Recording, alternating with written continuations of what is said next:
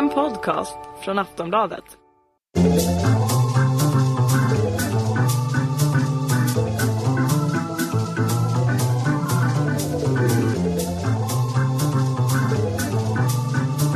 We don't need no education.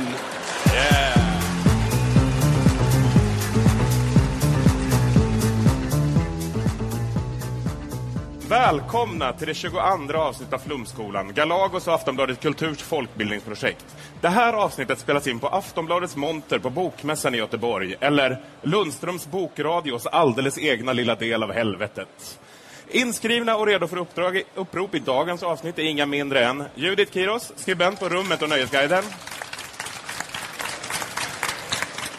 Mats Jonsson, serietecknare och serieförläggare. Och Anna Charlotta Gunnarsson, författare och programledare. Och ständig studierektor här på Flumskolan är som vanligt jag, Johannes Klenell. Jag ska börja med att säga att att läsa Johan Stahl von Holsteins självbiografi kan beskrivas lite som att läsa en glad pantad Patrick Bateman. Tänk er American Psycho, fast den är skriven av en nyliberal golden retriever, så förstår ni ungefär vart vi befinner oss. Det här, jag tänker direkt att jag måste bara lyfta en fråga. Och det är, varför tror ni formgivaren valt att det inte är mindre än två bilder utav Johan Stahl von Holstein på omslaget? Vad säger du Mats? Jag kan ju tänka mig att det är Johan själv som ligger bakom det. Att även om han ju i boken inte alls framstår som någon dubbelnatur utan synnerligen enkelspårig så vill han säkert vara någon slags cool så här two-face Patrick Bateman-typ. Jag tror det. Vad tror du, Anna Schatton? Eh, ja, jag tror också att han vill visa liksom sin fram, alltså lite från sidan och framifrån att han har två spegelminer som han inte kunde bestämma sig för. Liksom, vilken var snyggast? Ja, men jag tar båda och det är så jävla inte jante som det bara går. Vad säger du Judith? Jag håller helt med om det. Det var exakt det jag tänkte. Att han liksom såg två foton tänkte eh, I can work my angles in this one. Och så tog han bara båda. Det här kunde vi läsa i tidningen Dagens Industri om Stahl von Holstein. Johan Stahl von Holstein blev en frispråkig IT-profil kring millennieskiftet då han grundade och drev internetkonsulten Icon Media Lab. I en intervju med Resumé radar han upp exempel på att han varit tidigt ute men fått rätt i slutändan. Han hävdar att de bästa förutsägelserna om vilken påverkan internet och den digitala utvecklingen skulle få på för, för samhället. Han har också sagt att Europa skulle bli mer konservativt och han varnade för en IT-bubbla, men att ingen lyssnade. Jag hade rätt och alla andra hade fel. Jag vet inte varför jag kan se in i framtiden. Men jag gör det, säger Johan Stall von Holstein till Resumé. Alltså, ser alltså Stall von Holstein sig som någon sorts nyliberal sajda av något slag? Säger du, det Eh, ja, alltså jag kommer ju att tänka på det här eh, Cassandra i grekisk mytologi som är en sån här siare som är förbannad med att kunna se framtiden men ingen tror henne. Och då tänker jag, är inte Johan Steil von Holstein vår tids Cassandra? Vi kanske borde ta honom på mer allvar än vi gör. För förr eller senare kommer grekerna till Troja. Men det, det är väl också lite så att vad han än förutspår kommer bli jättestort så kommer det gå sönder förr eller senare. Är det inte det lite som är själva grejen? Vad säger du Mats? Jag tänker ju också att eftersom den här boken har den högsta floskel per mening-ration av någon bok jag har läst så ja, han kan vara en sajda för är det några som är kända för att uttrycka sig vagt så är det ju siare. Vad säger du om detta? Ja, alltså jag tänker också att det, det är ju de enda som kan säga att de hade rätt och att de, vad de förutsåg är ju liksom de som hade rätt, annars så mörkar man ju det. Så att det, är ju liksom, det, det blir ju bara den här typen av personer som, som liksom pratar om det i efterhand. Så att, eh, eh jag antar att precis som Siare att de bara tar fram de grejerna som lyckades. Jag antar att han har haft 250 000 projekt som inte blev av, som han inte nämner på det sättet heller. Jag tänker mig framförallt att han nämner de flesta projekten oavsett vad som har hänt som succéer. Ja, men exakt så. Ja, men det, nu har ju inte ni läst den här kanske, och ni som lyssnar, men ni kommer ju att läsa den, det vet vi ju. Eh, och det är ju på något vis det som är det spännande, hur han beskriver varenda liten, eh, varenda litet snedsteg som en möjlighet. Bokens två första meningar är de här. De senaste åren i mitt liv har varit fantastiska för mig, både socialt och privat. Många människor runt mig har dock fått lida. Han inleder boken så här. Det här är inga memoarer. Det är egentligen inte ens en bok som handlar om mig. Det gör den. Utan en bok som handlar om möjligheter. Om enskilda individers möjligheter att skapa bättre förutsättningar för sig själva. Genom att berätta min historia vill jag stärka människors självförtroende. Få dem att tro på sin egen förmåga och fokusera på sin begåvning istället för på sina brister. Jag vill ge människor hopp och framtidstro. Sporra och inspirera dem. Och jag vill få dem att våga drömma. Alltså, kände ni att ni vågade drömma efter att ha läst den här boken? Vad säger du Judith? Eh, ja, jag vågade drömma om en tid när jag inte satt och läste den där boken. Vad säger du Mats? Började du drömma? Eh, jag tänker ju mer att jag vill citera en sång av Ronny Eriksson. Ehm, det är lika bra att sluta drömma. Det går åt helvete i alla fall. Om man drömmer om Paris hamnar man på något vis lik förbannat i Hudiksvall. Och han hamnar ju sen i Hudiksvall också, men det återkommer vi till. Absolut. Han börjar med att berätta om sin bakgrund. Han skriver Johan Stall von Holstein. Namnet är imponerande och onekligen har jag haft nytta av det många gånger. Lika många gånger har jag dock mötts av fördomar. Den vanligaste effekten är att namnet ger problem på så sätt att folk inte hör eller förstår i vilken ordning alla orden ska vara. Men det jag har att säga sitter inte i namnet. Och för att göra slut på alla spekulationer, jag är ingen riktig Stahl von Holstein. Den som slår upp Skvallran, alltså adelskalendern, noterar att det står Adopt efter mitt namn. Så står det för att alla ska kunna hålla reda på vart generna tar vägen. Adopt betyder adopterad. Alltså, det märks verkligen att Stahl von Holstein kan relatera till hur de som utför rasism och fördomar har det här, va? Är det inte så? ja, men jag tänkte på den här eh, eh Kommunal. Facket Kommunal lanserade ju eh, en grej som heter namnofobi där man pratade om så här, vilka som diskrimineras på grund av sitt namn och ifall deras namn eh, klingar svenskt eller inte. Och så hade de så att man kunde skriva in sitt namn på sidan och se ifall det var så här, ett namn man blev diskriminerad för eller inte. Och då skulle jag jättegärna, Johan Steil von Holstein gjorde detta och såg vad han fick för resultat. Vad tror du han skulle få för resultat? Alltså med tanke på det var typ någon bugg på sidan som gjorde att, att typ My var ett namn de blev diskriminerad för.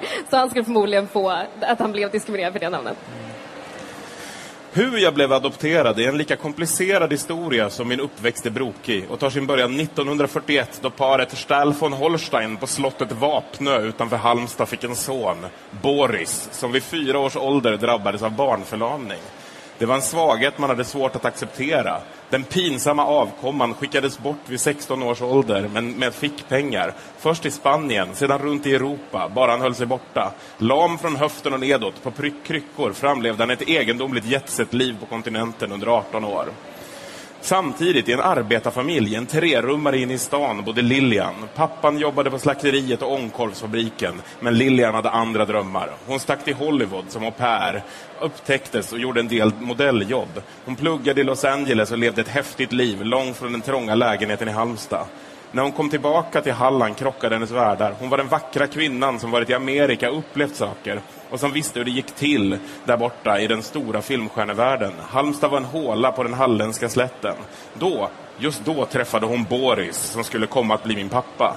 Men det är inte så enkelt att de träffades och jag blev till.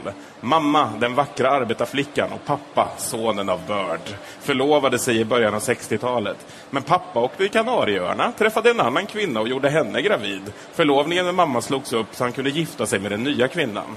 Alltså, det känns lite som att det här med de här storslagna projekten som bara går i kras ligger lite i släkten här. Va?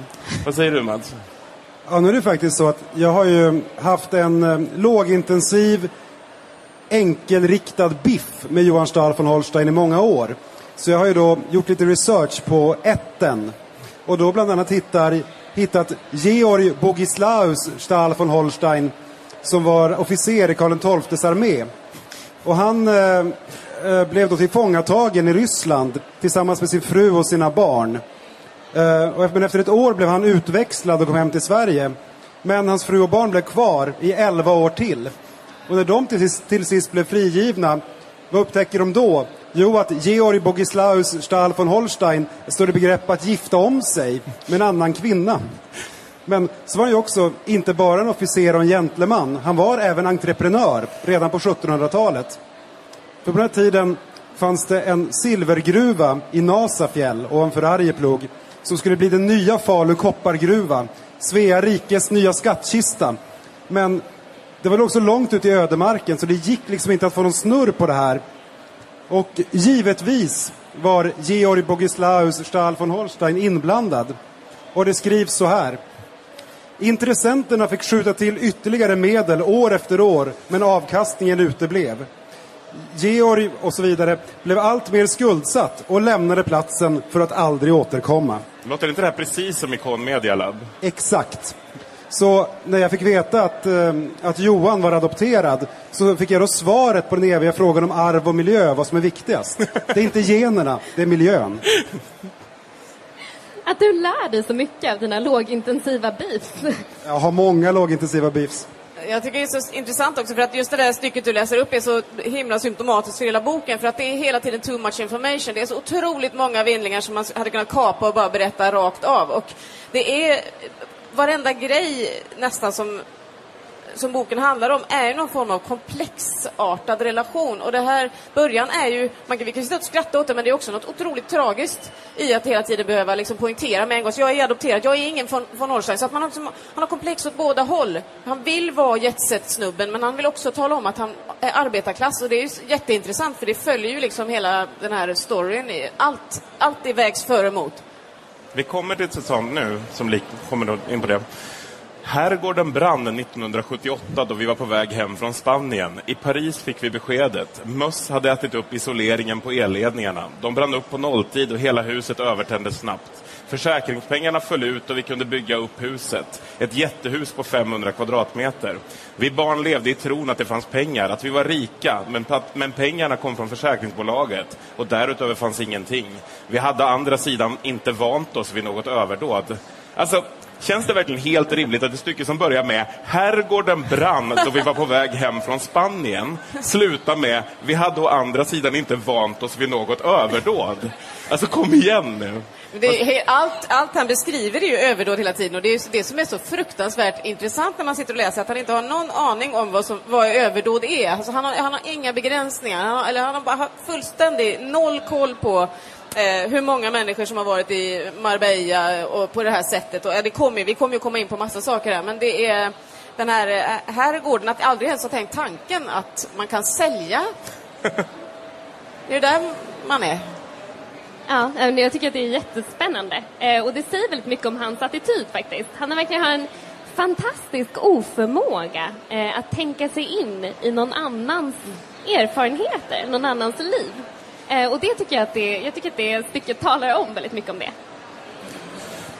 Vi hoppar lite framåt i tiden. Strahl Stahl von Holstein beskriver en klasskamrat från gymnasiet så här, och det är första gången han konfronteras med sosse-Sverige. Han var en sån där kille som hade allt. Inte nog med att han var bäst i skolan, han hann också med att festa med oss andra. Han såg bra ut, var socialt begåvad, smart, humoristisk och hade en dröm som vi andra avundades honom. Han ville bli miljonär innan han var 30 år. Det fick man ju inte säga. En dröm som handlade om pengar var inte politiskt korrekt på 70-talet, men han hade förstås rätt. Vi andra hade aldrig fått höra att man kunde få ihop sådana summor. Alltså, avundades verkligen alla andra honom för att han drömde om att en gång ha en miljon kronor? Är verkligen människor i sosse-Sverige så jävla missundsamma att de inte ens unnar en ung kille att bara hoppas dra ihop lite stålars någon gång? Vad säger du, Mads? Ja, alltså det här var ju innan en bostadsrätt eh, plötsligt var värd tre miljoner. Så jag menar, det var mycket pengar på den tiden. Men jag tycker att det är så roligt att Johan Stahl von Holsteins liksom, eh, tanke om eh, sig förtryck är att det alltid drabbar människor som vill bli entreprenörer. Det är de enda som kan lida i vårt samhälle, är entreprenörerna. Eller människor som drömmer om att en gång bli rika. Jag tycker att det, jag tycker att det är fantastiskt. Och jag, det, jag undrar själv personligen vad han har mött för liksom, eh, hot och hat här, på grund av sina miljonärsdrömmar. Detta var Sverige, 70-tal, och invånarna var fast övertygade om att välståndet skulle vara för alltid. Att staten tog ansvaret och att individens roll var lika med noll. Jag fick avgå som elevrådsordförande. Situationen var ohållbar. Johan von Stahl von Holstein skaffar sig ett jobb. Det är få som kan konsten att vända en ost. Jag vänder ostar varje helg. Alltid ställde jag upp extra på morgonen och sa aldrig nej, även om jag hade jobbat som diskjockey kvällen innan. I fyra år och under tre somrar jobbade jag med att vända ostar. Det är förmodligen min mest inövade kompetens, vilket ju alltid är något att tänka på när unga medarbetare som är nyfikna på världen numera rusar förbi en i rekordfart. Vända ostar kan de i alla fall inte. Alltså, är det verkligen jättekonstigt att Stahl von Holstein kraschat flera företag om hans främsta kompetens är att vända en ost? Ja, men det kanske är en jätteöverförbar grej. Det vet man ju inte. Jag har aldrig vänt en ost. Det har faktiskt inte jag heller. Massa Alltså inte ens hemma i kylskåpet? Eller? Men han, det är ju det är massa spännande saker där. Han beskriver ofta sig själv i tredje person, också en annan eh, intressant grej. Han skriver Johan Stark från Holstein eller Johan från Spanien eller Johan, och så på snippen skriver han inte, det var jag som sa. Men han, ehm, ehm, det här med vända ostar tyckte jag i och för sig var ett ganska intressant parti, för det var liksom enda gången det känns som att han egentligen har haft det eh, riktigt slitigt, men även det gör han ju om till någon form av entreprenörskap sådär. Ehm, Han blir bäst på att vända Han var ju bäst på att vända ostar. Allting är ju en tävling. Och att det är som att och det blir så jäkla sorgligt är ju den här, den här synen på att alla andra är losers och att allting det handlar om, allting, allt i livet är att drömma om saker och ting som handlar om pengar. Och jag menar, det är ju helt självklart att vi sitter och pratar om det, men det är verkligen märkligt att ingen någonsin har pratat med honom om andra värden. Jag förstår inte. Har de, och, han, han pratar, och sen är det jätteintressant också för han pratar om, väldigt mycket om Jante och väldigt mycket om eh, sosse-Sverige som något, något liksom gammalt, grått, eh, negativt, sorgligt som bara förtrycker folk. Samtidigt så är han, eh, eh han, han har den största offerkofta jag någonsin har mött. Och jag gillar inte ordet offerkofta, det är typ ett av de värsta, jag vet. Men det är det enda han pratar om, det här, det här martyrskapet. Och titta vad jag, jag hade ingenting, jag hade dyslexi, jag hade ADHD. Ja, men Nej, alltså, hans relation till eh, jantelagen tycker jag är en av de roligaste bitarna i boken. För det påminner mig om, eh, alltså det är en väldigt rep repetitiv bok. Det är liksom att han gör någonting och sen trycks han ner av Jante. Sen i nästa kapitel så måste han konfrontera jantelagen igen. Och det det påminner mig absolut mest om var ju Harry Potter. Men istället för liksom, men man har liksom den här everyman-karaktären som måste konfrontera en fiende så här, väldigt cykliskt. Men istället för Voldemort så har han jantelagen som måste konfrontera hela tiden. Alltså det, är, alltså det här är ju rena liksom, eh, Johan Steil von Holsteins eh, och Hemligheternas kammare. Så Hemligheternas kammare är då liksom eh, eh, Olof Palmes Sverige. Eller kanske Göran Perssons gods. På mejeriet lärde jag mig vad jag inte ville. Och vad jag inte ville att människor ska tvingas ner i. På mejeriet insåg jag att industrisamhället inte alltid älskar sina medmänniskor och att hierarkier snarare bryter upp ned än bygger upp.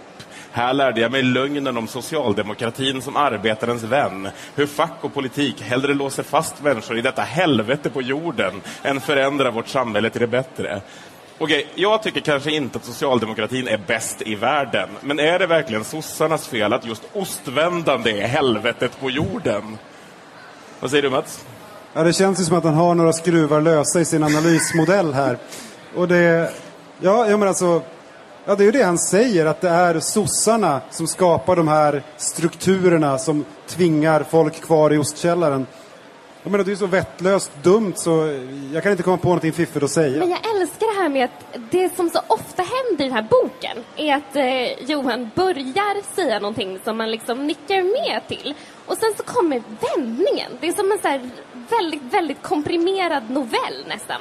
Eh, så att börja med, där lärde jag mig att industrisamhället inte alltid älskar människor. Jag bara, det kan jag skriva under på. Och sen bara, twisten. Det var sossarnas fel.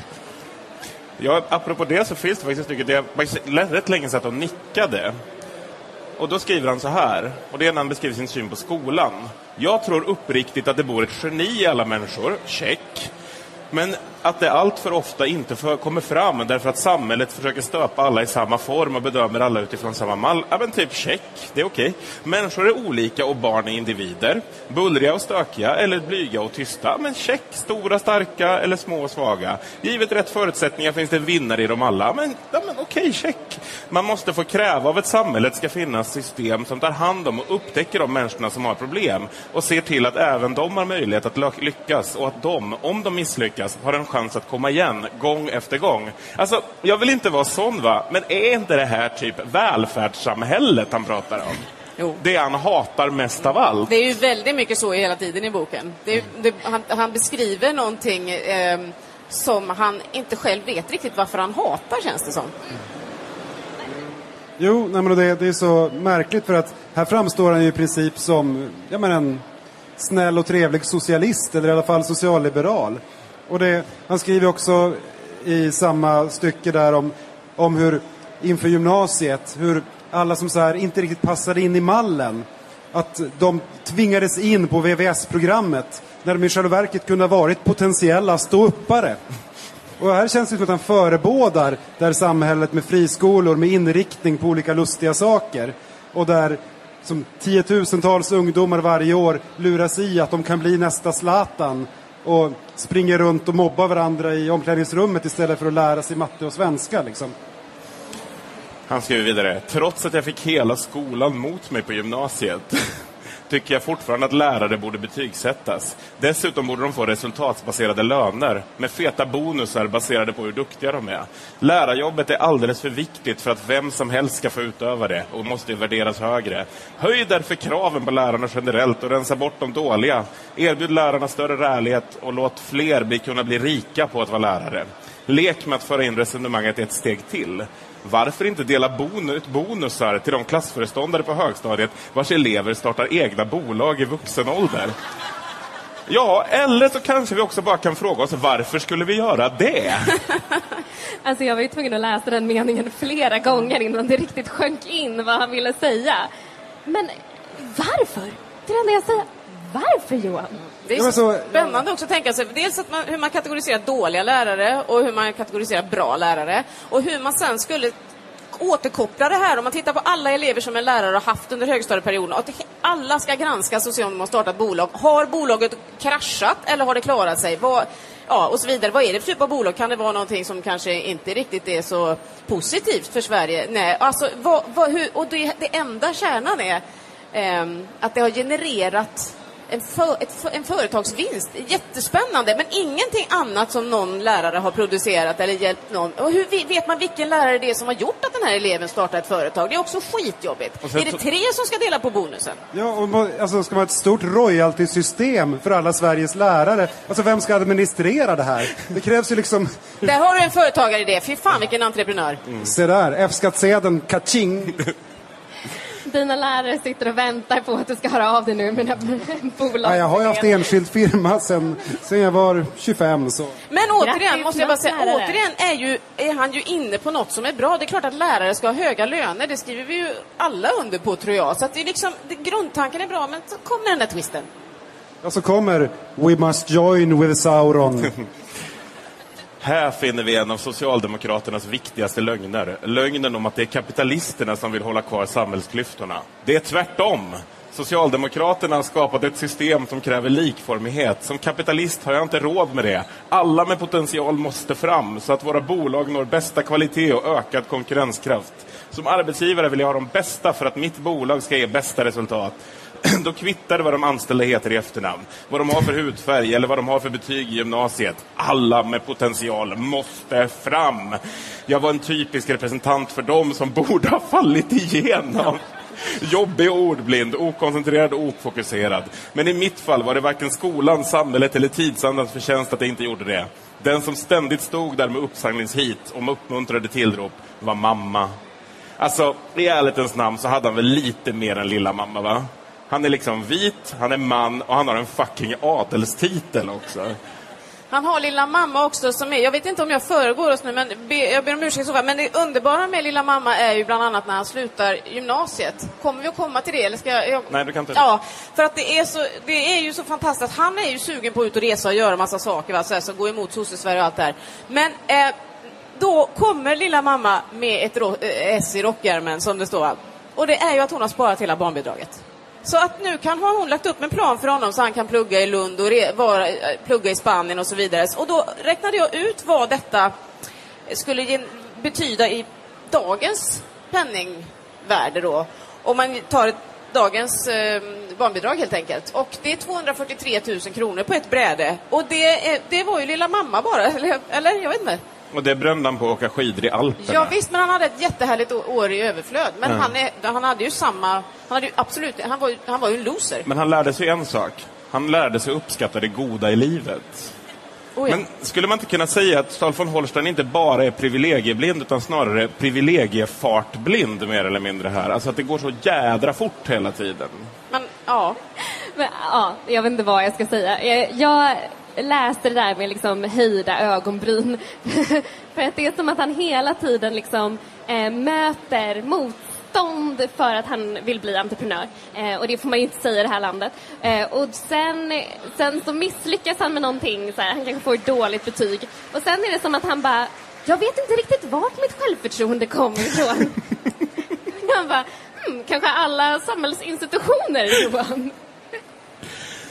Mot den bakgrunden var det ganska underligt att jag efter gymnasiet sökte mig till fjälljägarna, kustjägarna eller i värsta fall fältjägarna. Å andra sidan var det rätt typiskt. Svart eller vitt, allt eller inget. Självklart hade jag inte de fysiska förutsättningarna. Sådana som jag, starkt motiverade stridisar, utan, men utan särskild kondition och styrka, brukar istället erbjudas en placering som militärpolis. Jag kom till K1 i Stockholm och strålade av lycka. Äntligen en utmaning. Stahl von Holstein skulle äntligen bli en riktig elitsoldat. Så, värnpliktige 91 Mandelstahl von Holstein rycker in i lumpen. En rysk ubåt går på grund vid Sveriges kust och som vår soldat skriver. Sedan kom kriget. På riktigt.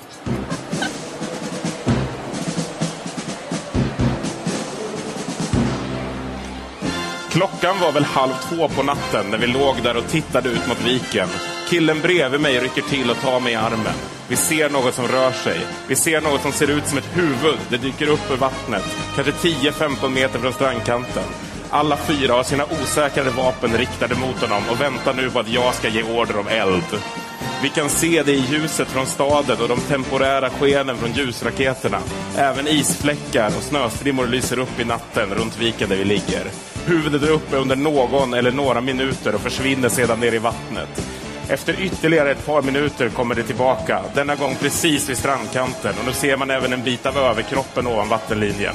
Sekunden senare halkar figuren i vattnet, faller bakåt, sätter upp en hand i luften, liksom för att återfå balansen, men misslyckas och faller tillbaka med ett plask och försvinner. Efter ytterligare fyra till fem minuter dyker huvudet upp igen, kanske med nattkikare. Kanske ser han oss och kanske är det därför han viker tillbaka. För sedan kommer han inte upp igen. Ingen blev skjuten eftersom jag aldrig gav order om det. Den order jag fått var tydlig och han hade aldrig varit uppe på land. Kanske var det inte en människa vi såg utan bara en svan som vi tidigare hade lagt till märke till i närheten. Jag vet inte och det spelar ingen roll. Det viktiga är vad jag gick igenom i mitt huvud under de där minuterna och vad jag lärde mig om mig själv. Jag hade aldrig tvekat att skjuta för att döda om man kommit upp på land. I situationen där på natten hade det varit enkelt att göra det. Det fanns inte ens i mitt huvud att det där kanske var någons son eller att barn väntade där hemma. Jag var iskall. Jag försvarade vårt fria och demokratiska land, min familj och allt jag trodde på från en socialistisk statsmakt som byggde på motsatsen till frihet och som nu hotade vår tillvaro. Alltså, är verkligen Stahl von Holsteins stora lärdom av lumpen att han är redo att skjuta en socialist? Är inte det syftet med lumpen? Jag trodde hans stora insikt var att han var redo att skjuta en svan. Vad säger du? Ja, nej, jag tänkte hela tiden att det, skulle, att det var Göran Persson som var på väg upp där. Eh, nej, men, eh, ja, nej, men det, här, det är så fantastiskt. Hela det här partiet är ju också just det här, återigen det här oförblommerade kärleken till sig själv. Att allting i alla situationer, det vänds till någonting så storartat och det är så spännande. Och sen så var det en sak i den här också som eh, jag noterar i det här partiet som nu inte var med, eh, med men när han ligger i lumpen, är att han namnger två stycken befäl som han verkligen avskyr. Och när han namnger väldigt många personer i boken som han tycker vansinnigt illa om och den är väldigt hämndbegärsdriven. Eh, och jag var tvungen faktiskt att kolla upp de här personerna, eh, vad de gör. Och de här befälen är, jobbar fortfarande inom Försvarsmakten. Så man känner så här, hur, ja, vad, hur påverkar det? Och vad har han för liksom, vad, vad- hur tänkte han på det efteråt? Att ja, jag lämnar ut folk och jag lämnar det bara där. Men liksom bara Johan Kjell von Holstein skulle vi kunna skriva så kom kriget på riktigt och sen skriva en sån här text. Nej, det var en svan. Ja, Ja. ja. men jag tror ju heller att, jag betvivlar ju starkt att det här är sant. Eftersom, jag menar, vilken, vilken försvarsmakt skulle skicka ut någon som enligt befälen kall, eller som av befälen kallades Strul von Huvudlös med tre andra bassar utan nattkikare för att slåss mot Spetsnaz? Alltså, jag, måste jag menar, läsa tack upp det och lov att vi la ner, la ner försvaret. Det här är så himla roligt. I sex veckor lekte vi katt och råtta i Karlskrona skärgård. Vare sig vi såg en svan eller en dykare var det ingen tvekan om att det fanns något där. Det var fullt krig. Så, och då, då infinner sig frågan, kan man leka katt och råtta med en svan? Och sen lite senare, så plötsligt en dag som det hade skett en politisk uppgörelse, var det bara slut. Avspärrningarna hävdes som inget hade hänt. Som om allt bara hade varit en övning. Politikerna utnyttjade sin makt. Invånarnas brist på information gjorde att de lät sig manipuleras. Palmes egenintresse, Socialdemokraternas syften fick gå före medborgarnas rätt till sanning. Om att en svan härjade i Karlskronas skärgård. Alltså jag vill inte vara den to break it to you Johan, men jag tror att det kan ha varit en övning. Men alltså, om Svanen hade varit socialist, hade det varit rätt av Johan att skjuta den i så fall? Absolut. Han var redo att göra vad som helst för sitt Sverige. Svanar är ganska otäcka djur också. De kan bryta folks eh, armar Ja. och dränka folk.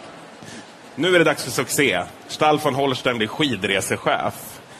Det blev i och för sig en stor framgång. Intäkterna per gäst flerfaldigades samtidigt som gästerna blev mycket mer nöjda än de hade varit tidigare säsonger. Men jag drev personalen för hårt. Jag tyckte själv att det var kul att arbeta alla timmar på dygnet. Min medfödda överskottsenergi tillät mig att göra det. Jag satte kunderna i centrum till det yttersta och glömde bort att jag även hade ett ansvar mot personalen. Dessutom blev det inte riktigt effektivt att låta folk arbeta tills de stupade. Alltså, effektivitet i all ära, men är det verkligen enda argumentet för att inte tvinga folk att arbeta tills de stupar? Ja. Eh, ja, men vad- alltså det är ju hela tiden det här. Alltså det, och det är så roligt för att längre fram i boken så beskriver han hur eh, andra chefer har betett sig likadant mot honom. Och han, han liksom, han, ja, det är hela tiden det här eh, att, han ser liksom inte längre än här. Han ser bara sig själv och det är det han sen kritiserar andra för. Så att det är det som blir så märkligt också. Han har ingen, han har ingen distans till sig själv och han har ingen distans till varför saker och ting händer. Utan det händer bara så kör jag vidare. Men liksom att han glömde att han hade anställda Ja. som behövde Ja. nattsömn. Ja. Johan, det kanske skulle kunna varit en bra idé att ha facket där i alla fall, så att någon hade koll på det. Men allting händer för hans skull känns det också. Det är så himla intressant. Han har, det, de andra, om de inte, de inte är entreprenörer eller om de inte är väldigt vackra, kvinnorna beskrivs ofta som vackra, eller det, hur många kvinnor är det? Det kan en. Ja, det är lilla mamma. Ja, mamma och den här andra som är direkt Den utsedd. eh, Skidlärare. förtryckta stockholmaren. Ja, precis. Så- alltså har de inte det så är de egentligen helt ointressanta. Han beskriver ju inga andra än de han hatar eller de som är framgångsrika entreprenörer. Ja, någon slags, måste någon slags konstig så här multipel diagnos. Att han både har en, en empatistörning och bristande självinsikt. Det är solipsism kanske, jag vet inte. Men det här med succé återkommer ju ganska mycket här. Han säger ju bland annat det, det jag tog med mig från den här episoden var att tänka igen hur viktigt det är att sätta sig in i kundens behov och önskning. Det kan ta tid att hitta vägga, vägarna till rätt lösning och problemen kan vara mer komplexa än vad man föreställer sig. Jag lärde mig hur fritt fördomar florerar och hur de kan slå till. Svenskar kan ha fördomar mot invandrare, men invandrare kan lika gärna ha dem mot svenskar. Stockholmare mot bönder, men också landsortsbor mot 08 Gemensamt för fördomar är dock att de alltid grundar sig på brist på information och, eller förståelse och att de alltid kan brytas. Ett misslyckande vid ett kommunikationstillfälle kan således vändas till succé, trots att oddsen är emot den. Alltså, menar han alltså att rasism kan vändas till succé? Ja, rasism är ett misslyckande vid ett kommunikationstillfälle. Jag tänker att han, han skulle gärna få utveckla med exempel. Så man tänker att Birgit Friggebo satt där och kände att det var inte så lyckat där med Wish Lower Come.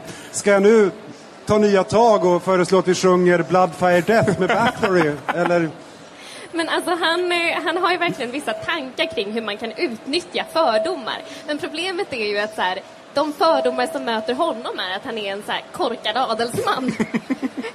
så då skriver han ju liksom så här, eh, att själv använder jag mina kläder, min frisyr och mitt skägg för att visa vördnad och respekt, för att trycka till, för att tala om att jag inte bryr mig, för att vinna respekt eller för att skapa övertag. Ibland kan jag göra det för att få min motståndare ur balans ibland för att få honom att underskatta mig. Men, mm, men det kanske är lite lättare att göra det med någon kostym än med sin liksom, egentliga kropp som man faktiskt har.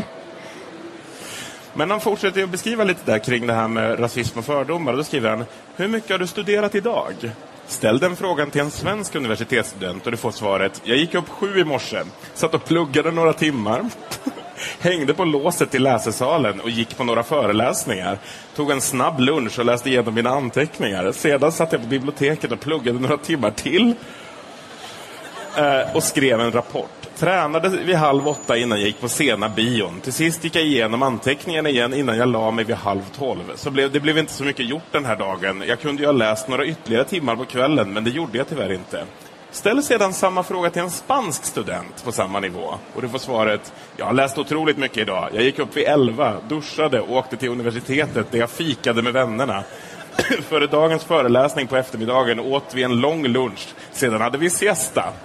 Jag läste någon timma och satt och diskuterade på fiket på eftermiddagen. Sedan träffade jag killarna på kvällen. Vi gick på bio och efteråt satt vi på en bar halva natten. Det var en hård dag. Fy vad jag pluggade. Alltså... Vad fan är det här? Alltså, för att citera en av vår tids stora tänkare. Jag lärde mig hur fritt fördomar florerar och hur de kan slå åt alla håll. Johan Stahl von Holstein. Men jag älskar liksom hans svepande generaliseringar med så här stora grupper så här människor. Bland annat då svenskar, amerikaner, eh, spanjorer i det här stycket. Jag vill se dem tackla alla europeiska nationer. Om man frågar en fransk student skulle den bara säga bonjour, la och ta en baguette. och sen så skriver han lite längre fram, vill jag bara, så knyter an till det här att han jämför eh, utbildade människor med outbildade människor. Och Silicon Valley är ju det, det högst, mest högstående som finns. I Silicon Valley finns ingen rasism. Precis som det inte finns rasism i tillväxtföretagen i Stockholms innerstad. Och vad skönt att han slog fast det 1999. Han fortsätter i alla fall. Alla amerikaner säger att de är störst och bäst och vi tror dem. Varför skulle vi inte göra det? De säger ju det och man vill ju inte tro att de ljuger. Lite sådana är vi svenskar. Vi tror gott om folk, tror på vad de säger, men naturligtvis är det inte sant. Amerikanerna är inte ett dugg bättre än vad vi är, men de tror på sig själva och på sin förmåga och vet att tro kan försätta berg. Och självklart gäller det även tron på det egna jaget. Har du bara styrkan och tron och modet att vilja är ingenting omöjligt. Du kan om du vill, så vill något. Återigen, den där adelstiteln hjälper till lite. va? Den liksom puttar på den där viljan lite, lite, lite, lite grann i alla fall. Va? Nej men alltså, jag tyckte att de där bitarna, de, alltså han, ibland så liksom börjar han, påbörjar han liksom långa inspirerande passager som alltid har, innehåller väldigt många utropstecken och så står det saker som Du kan! Du betyder mycket! Och alltså jag älskade ju de bitarna. Jag kände så här ett rus som jag hade druckit en spikad Red Bull. Så här. Jag bara, det här, är, det här är som att någon har komprimerat Moderaternas eh, hitlåt Vi och framtiden i bokform. Eh, så ja, jag tyckte att de var jätteroliga de där bitarna. Sen så eh, överensstämmer det kanske inte med verkligheten men det är ytterst lite den här boken som gör det. Det är ju liksom det, det är ju en parallell till framgångsteologi och allting. Så här, liksom lyckokapitalism, om man ska kalla det för. Um, som också jag kan, men jag på riktigt kan jag känna, ä, även om alltså, man kan ironisera över det, men jag kan ändå liksom, jag kan ändå förstå vad han vill, för jag kan också liksom känna igen mig i det här, man sitter på en myndighet eller någonting och folk är så jävla liksom, ingen vill någonting och jag kan tänka mig att det är det han bara upphöjer till hundra. Man vill ju ibland rycka tag i folk, men det blir det är ju inte på det här sättet och det är ju framförallt inte han som ska göra det. Han går ju på Jantesverige igen här och skriver för sossarna skulle en höjning av utbildningsnivån kunna få förödande konsekvenser eftersom basen för det socialdemokratiska väljarunderlaget skulle dras undan. Det finns inte något genuint intresse från partiet att skapa tillväxt eller verkligen höja människors kompetens. Det är bara sossarna som skulle förlora på att jobben i Kvibbele mejeri blev anständiga. Återigen det där jävla mederiet på att de anställda inte skulle behöva kröka rygg i grönmögelkällaren utan kunde sitta vid sina datorer och sköta en industriell process. På att de skulle slippa klämma fingrarna, förstöra hörseln och knäcka ryggen. Socialdemokraterna har smugit på sina lögner och folk har gått på dem i 20-30 år. Har svårt att erkänna att de har fel. Det krävs mod av samma typ som den före detta gode kommunisten Gorbatjov hade när han krossade kommunismen i Sovjet för att inse och erkänna att socialdemokratin har fel. Alltså, va? Ja, det är allmänt känt att sossarna inte gjort någonting för att förbättra situationen för svenska arbetare någonsin. Det är precis som att de strejkande arbetarna i Lunde kastade sig mot, poli- mot eh, militärens kulor 1931. Nej, men det var riskkapitalisterna som låg bakom det grundläggande liksom arbetet, att alla var fria någonstans. Ja, just det. Inte socialdemokratin, absolut inte arbetarrörelsen. Men jag tycker det är så roligt att han kallar... Eh, alltså jag tycker liksom att den här kampen mellan ont och gott eh, eller liksom sossarna och Johan eh, verkligen så här, kristalliseras ut i den här meningen. Eh, bland annat då genom att han passivt aggressivt kallar sossarna för partiet med ett stort P. Eh, tycker jag är roligt. Och sen att han skulle liksom... Sen att han drar in Gorbatjov och krossandet av kommunismen i Sovjet. Det, är så här, det känns som att han jag skulle jättegärna vilja liksom, eh, bara möta den här människan, sätta honom på en stol och sen säga ett enda ord och det är chill. Chill out. Everything's okay. Behöver inte stressa upp dig så otroligt mycket över barnprogram som eh, Vilse i pannkakan eller Bamse. Vi kommer det till nu. Första gången jag kom till USA fick jag en chock. Med en USA-bild från den svenska statstelevisionen trodde jag att landet bestod av soppkök och arbetslösa svarta. Jag hade vuxit upp i en miljö där jag hade fått en negativ uppfattning om USA som en ond kapitalistisk stat. Och inte förrän jag kom dit insåg jag vilken lögn det var. Med tanke på omständigheterna var det inte så konstigt att jag hade gått på lögnen. Före 68-generationen, och häng med här nu, är och nu fångar jag trender snarare än beskriver enskilda individer. Inskränkt, avundsjuk, feg och full av jantelag. Den är insnärjd i socialistiska lögner och uppvuxen med en eller två statliga tv-kanaler som matar den med kommunistisk propaganda och katastrofala barnprogram som Vilse i pannkakan, där företagsledaren gestaltas som en äcklig potatis. Det är ju roligt att han har missat Dallas och Falcon Crest och den sidan av USA han kommer. kommer Men jag dit. liksom älskar tanken på att där, sjuårige Johan Kjell von Holstein sitter och kokar av ilska när han tittar på resan till Melonia. Ja, men då, tanken på att, vadå, han, har ju, han har ju missförstått allting. Storpotäten är väl ingen företagsledare? Han är en självägande bonde och kommunalpamp. Han är urtypen för en gammaldags centerpartist. Han når i alla fall så här sin slutdiskussion och beskriver sin tid på Icon Media Lab och avslutar den så här. En god ledare kännetecknas också av en annan viktig egenskap som även den till viss del hänger ihop med prestige. Förmågan att genom självrannsakan inse vad han eller hon är riktigt dålig på och sedan fullkomligt ge fan i att göra det och istället ägna sig åt det man är bra på. För min del har det varit ett vinnande koncept under hela mitt liv. Jag lämnade vd-skapet när bolaget blev för stort och jag inte längre kände mig lämpad. Idag ansvarar jag för strategiska frågor och företagskultur. Jag har ingen titel eftersom titlar skapar odynamiska hierarkier som begränsar för andra. Jag är minoritetsägare och Ikon är inte längre vårt. Det är ett dynamiskt företag som idag lever sitt eget liv. Den här boken skrevs 1999. År 2000 gick Ikon Medialab typ i putten eller backade med cirka 140 miljoner sista kvartalet. Kan det här vara ett av Johan Stahl von Holsteins få affärsmässigt kloka beslut någonsin? Men alltså det är ju inte sant. Hela den här boken är full, fullt av hans misslyckanden. Han testar ju hela tiden på saker som han inte alls är kapabel till att hantera. Alltså, det, där tyckte jag, jag tyckte att det där är väldigt sorgligt och det där du berättade om Ikon, eh, liksom, den, den lever nu sitt eget liv ungefär sex månader till.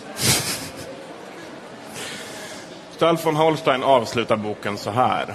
Jag vill att du som läser den här boken ska våga tro på dig själv. Världen är stor, möjligheterna är många, du är fri, ta för dig, just do it. Hur mår då Johan Stall von Holstein idag? Jag har tagit en titt på hans Facebook och den avslöjar den här lilla statusrapporten. Jag är grymt deprimerad. Det klagas ofta på att alla på Facebook är så glada och lyckliga och inte har det bra så folk blir avundsjuka.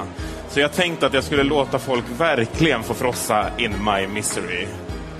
Jag saknar min fru och livskamrat som bott i Sverige sedan i februari. Jag saknar min yngsta son som jag älskar över allt annat, men som har attityd mot mig. Antar att det är en tonårsfas. Och jag saknar min hund. Jag är deprimerad över att det inte ser ut som vi kan stanna i Singapore och för att Sverige och Europa är på fritt fall utför utan att de verkar fatta det själva. Trots 50% ungdomslöshetsarbetslöshet, ungdomsarbetslöshet och kravaller som jag förutsåg för 5 till 7 år sedan. Jag är deprimerad över att sossebyråkrater satt tusen käppar i hjulen på borgarna under de sista sex åren, då de, gjort, då de trots det gjort massor av bra saker, inte uppskattas av svensken, som inte läser utländska tidningar. Och för att borgarna verkar ha gett upp nästa val, vilket är en jävla katastrof för Sverige. Men Fredrik Reinfeldt och Anders Borg vill väl ut och föreläsa, slash konsulta, PR och bli som godsherrar Göran Persson. Usch, fy fan för honom. Fast det är ändå inte så konstigt med deras löner. Jag skulle kunna inte kunna leva på en statsministerlön och det gör mig deprimerad. Jag är deprimerad över att min fru inte låter mig starta ett nytt parti och jag är deprimerad över att även om jag gjorde det och fick de 10-15 procent jag tror att jag skulle kunna få så skulle det inte gå att ändra på någonting. Jag är deprimerad över att så få svenska företag fattar vad Singapore är och att de inte utnyttjar att jag är här. Men vad fan Johan, du som är så positiv och glad energikick. Vad fan har hänt? Jävla Hudiksvall har hänt mig. Rätt i jävla ansiktet. Det förruttnade, vidriga sosse slash jantesamhället med dess förbannade nej-sägare hände mig. Plötsligt förkroppsligades omöjligheten och hopplösheten och lade sig över min positiva personlighet som den dyngblöta, kalla, skitiga, illaluktande hundfilt som sosse-Sverige är. Alltså inte hela Sverige, utan den förstörda, förruttnade delen som misstror och missunnar. Jag var och föreläste i Ljusdal och spred sanningar och hade kul. Precis när det var slut frågade någon, vad tycker du om att Ericsson sa upp 350 personer i Hudiksvall igår? Nej men det är ju fantastiskt, grattis, sa jag uppriktigt och möttes av förvånade, nej, chockade miner. Hur menar du då? Ja, det är inte precis varje dag som 350 välutbildade, yrkeskunniga, skickliga människor kommer till Hudiksvall utan någon som helst önskan om att snabbt som fan lämna igen. Och att de dessutom ska ha fullt betalt ett helt år. Det är ju alla entreprenörers våta dröm. Och Hudiksvallspolitikerna borde jubla och kalla till en tvådagars fest på torget där alla kunde dricka hembränt, dans, vara, dansa och vara glada. Utbyta idéer, vara positiva, heja på varandra. De tittade på mig som jag var galen. Dagen efter kontaktades jag av Hudiksvalls tidning som bad mig livechatta en timme med deras läsare. Jag tackade glatt ja och hoppades kunna tipsa lite och komma med någon idé. Jag fick lägga en hel jävla timme på att försvara mig. För hur fan vågade jag komma och vara positiv i dessa jävla tider? Sedan dess har jag varit deprimerad. Och när jag läser om någon jävla internationell tidning som presenterar en av Internationalen finansierad undersökning som visar att Sverige är ett av världens lyckligaste folk, så är det två saker som slår mig. Ett, Darwin sa, det finns tre typer av lögn. Lögn, förbannad lögn och statistik. Två, att sossarnas PR och mediamakt sträcker sig äckligt långt för att lura vår befolkning. För där är jävla ingen lycklig, vare sig i Hudiksvall eller bland de som samma dag som statistiken kom ut satte eld på bilar över hela Stockholm. Men nu börjar jag må lite bättre. Jag har fått skälla lite. Jag är tillbaks i solen bland positiva människor, entreprenörer och drömmare som det också finns så gott om runt Stureplan och andra ställen i Sverige. Jag har träffat folk från hela världen, ätit spännande mat, skrivit klart två nya affärsblader och blivit, faktiskt blivit erbjuden ett jobb idag. Glad smiley. För att summera det här nu då. Vem ska läsa den här boken? Johan Stall von Holsteins mamma. Eh, Johan Alla Staffan som inte har läst eh, den här statusuppdateringen, för om man har läst statusuppdateringen har man ju i princip läst boken. Jag vet bara vilka som inte borde läsa den här boken. Sluta läsa den varje år. Det, det är nämligen Sommar i P1s redaktion som har sett det här som någon slags plan för hur man bygger ett bra sommarprat. För det, det, det jag tycker att det mest allt påminner om, det är ett entreprenörssommarprat som får pågå alldeles, alldeles för länge.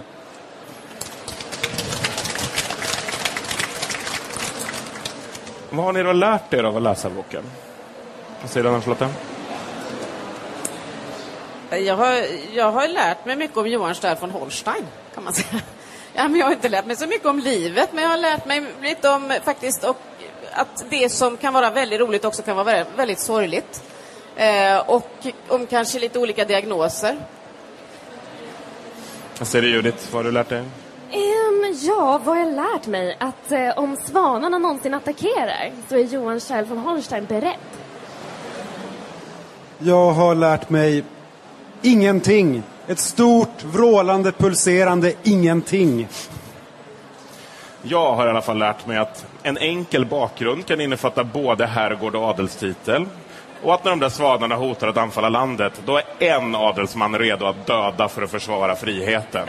Vi lärde oss samma saker den här boken. Ja. Jag är glad Det är en det. väldigt viktig lärdom också. Med de orden vill jag tacka Judith Kiros, Anna-Charlotta Gunnarsson och Mats Jonsson. Flumskolan är slut för idag. Tack.